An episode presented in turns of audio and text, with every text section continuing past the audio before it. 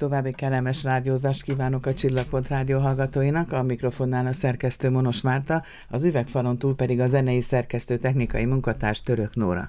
Velem szemben a stúdió vendégét köszönhetem, dr. Illésné dr. Kovács Máriát, a Miskolci Egyetem Bölcsészet és Társadalomtudományi Karának dékányát, születésnapot ünnepelnek. A bölcsészképzés három évtizeddel ezelőtt indult be, a kará nyilvánítás pedig 25 éves születésnapot ünnepel, és hát egy nagyszabású megemlékezésen méltatták az elmúlt néhány évtized eredményét, és gondolom szó volt a jövőről is, és majd itt is szó lesz, miközben felavatták Kapdebol professzor szobrát a Miskolci Egyetemen. Milyen volt az ünnepi hangulat? Köszönöm a lehetőséget. Nagyon szép ünnepi eseményt sikerült rendeznünk és megtartanunk a 30. évforduló, illetve a szoboravatás kapcsán. Azt gondolom, hogy a kettőt célszerű volt összekötni, hiszen bő másfél éve nincs közöttünk Abdebo professzor úr, bár nagyon készült rá, hogy közösen fogjuk ünnepelni. A 30. évfordulót sajnálatos módon ez neki nem adatott meg, ezért gondoltuk azt, hogy a szoboravatásnak itt és most ideje és helye van. Úgyhogy felemelő, elegáns nagyon szép ünnepség volt. Őrzök egy felvételt, amikor város díszpolgára lett előtte, készítettem egy interjút a professzor úrral, és úgy fejezte be, hogy majd ha öreg leszek, akkor költözök vissza Miskolcra. Szellemes rájellemző volt igen, egyébként. Igen. Beszéljünk erről a három évtizedről. Az indulás az soha nem könnyű.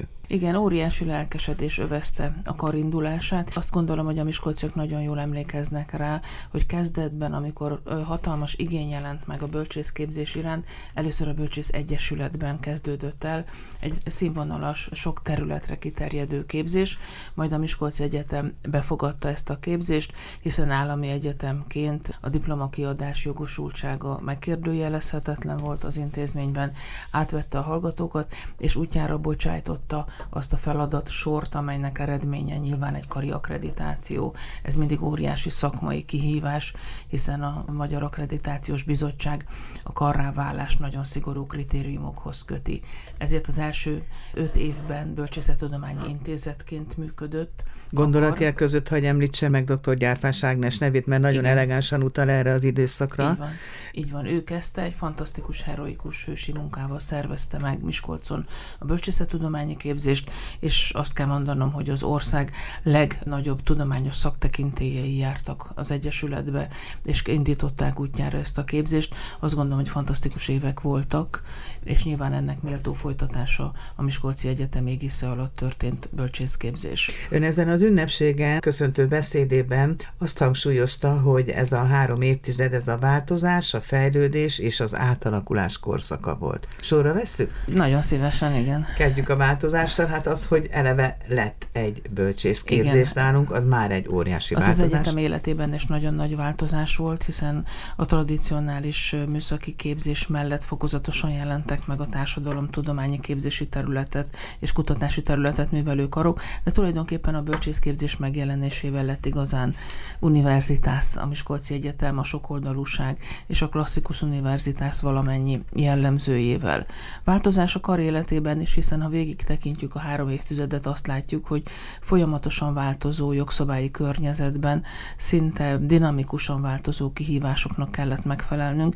Ez érinti a képzési portfóliót épp úgy, mint a strukturális átalakításokat, hiszen az állandó törvényi változásoknak köszönhetően, ugye először a hagyományos, ugye nem kredites képzésre gondolok ez alatt, képzéssel indítottunk, amikor még egy szakos tanárképzés volt, aztán jött a kredites képzés, akkor már lehetett két szakos tanárképzést is indítani, majd jött a bolonya rendszerű képzés, aztán abból hirtelen kikerült a tanárképzés új fentegységes képzésként. Tehát ezek annyira hihetetlen, gyorsan váltakoztak, hogy nekünk folyamatosan ezen kell dolgoznunk, hogy megfeleljünk hogy törvényi előírásoknak, elébe menjünk azoknak a munkaerőpiaci igényeknek, amelyek a régióban jelentkeznek, és emellett természetesen mindazon szakmai, tudományos kihívásokat is abszolváljuk, amelyek előfeltételei annak, hogy a hazai és a nemzetközi felsőoktatási palettán és a tudományos élet ugyanezen szinterein érdemben meg tudjunk jelenni, presztízsünk legyen az általunk művelt tudományos területeken,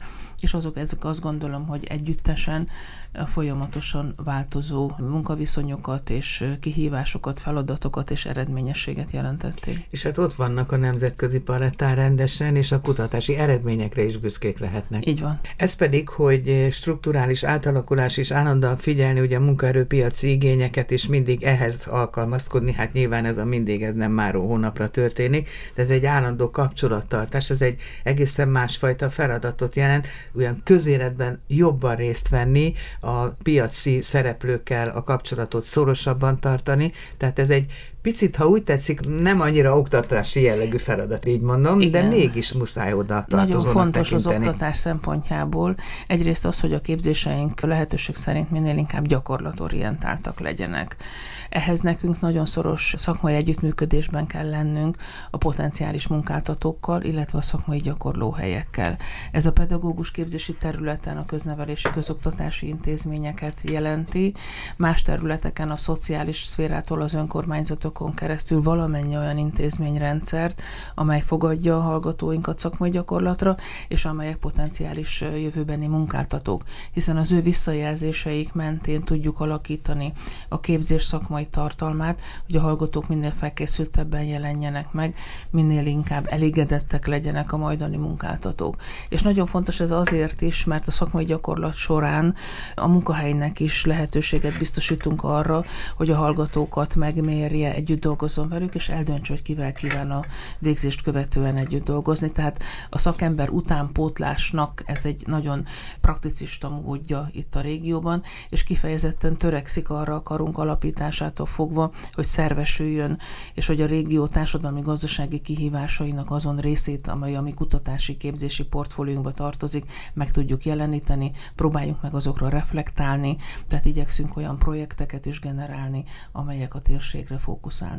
Két oldalú ez a kapcsolat, mert egyrészt ugye a munkaerő utánpótlásban segít a foglalkoztatóknak, másrészt egyfajta garanciát ad a végzősöknek az elhelyezkedést illetően. Így van, és azt büszkén mondhatom, hogy ezzel nem, hogy nincs probléma, hanem kevés az a végzett szakember, akit az intézmény kibocsájt a munkaerőpiaci igényekhez viszonyítottan. Már felsőbb éves hallgatókat is megkeresnek a munkáltatók állásajánlatokkal, tehát az akkor már nem kérdezem meg, hogy felszippantja el a végzősöket, Igen. mert akkor duskálhatna. Igen. És ez csak itt a régióra, vagy az ország más területéről is van már kopogtatás, hogy na ide is jöhetnétek hozzánk? Bármelyik területről. Tehát különösen a pedagógus képzési területen, ezt azt gondolom jelen pillanatban a kedves hallgatók is nagyon jól érzékelik, hogy kevesebb a végzett pedagógus, mint amennyire szükség lenne, de az összes többi területre igaz ez a megállapítás. Kevesebb végzés és távol álljon tőlem, hogy ezt az ünnepi hangulatot beárnyékolja bármi, de meg kell kérdezzem, hogy a pedagógusok jelenlegi helyzete, és ebben minden benne van, nyilván befolyással bír a jelentkezők számára is. országosan is. És hogy tudnak ezzel küzdeni? Nagyon nehéz, mert ugye a média hatása óriási, tehát az leküzdhetetlen, viszont az tény, hogy aki most elkezdi a tanulmányait, vagy folyamatban van, mire végez és mire kikerül,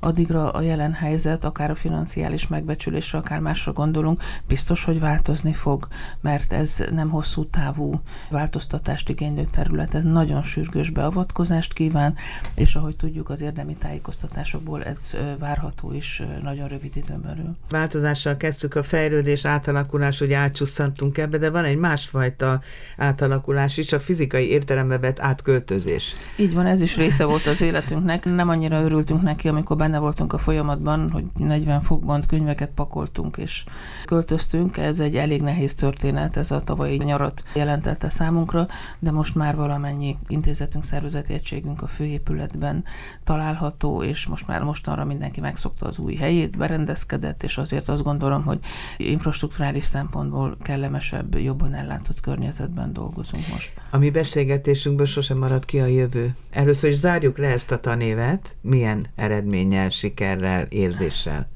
Azt gondolom, hogy ez most egy nagyon pozitív tanév sok szempontból. Egyrészt ugye maga az ünnepség, másrészt pedig egy nagyon jelentős szakunkon, a gyógypedagógia alapszakon most fut ki az első évfolyam, tehát most adunk először oklevelet ezen a szakon, és azt gondolom, hogy ez mindig mérföldkő, amikor egy új szak eljut odáig, hogy végzett szakembereket tud kibocsájtani. Ebben a térségben meglehetősen alacsony a gyógypedagógus szakember ellátottság.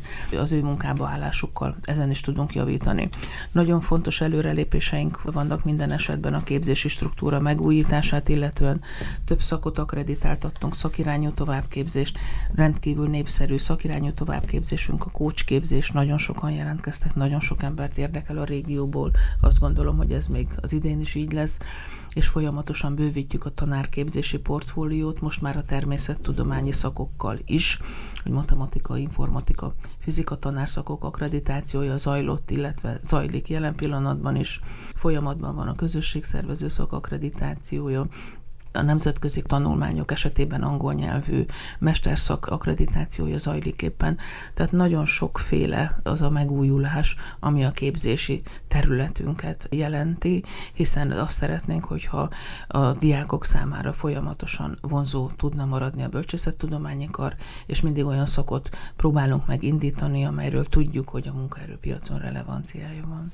Ez a motto. Itt kapcsolom be akkor a rektorasszony mondandójából azt a két szót, ami így hangzik, hogy innováció és tradíció. Itt a tradícióba Igen. beilleszkedett szépen, ugye egy óriási kampusz alkotó részeként, hogy Igen. idézőjelben mondjam ezt az alkotó rész, és az innováció az pedig minden területre, minden karra jellemző. Azt hiszem, hogy ha visszatekint az ember a tanévre, akkor nyugodtan mondhatom, hogy jó pihenést kívánok majd a nyárra. Köszönöm szépen, hát közte még vár ránk a felvételi feladat sora, és nagyon nagy örömmel mondhatom, hogy 60%-kal nőtt az első helyes jelentkezői létszámunk, tehát a bölcsészettudományi kar e tekintetben is kiemelkedően jó évet zárhat majd reményeim szerint. Sikereket kívánok hozzá. Köszönöm, Köszönöm szépen. Dékán asszony, hogy bejött. Köszönöm a lehetőséget.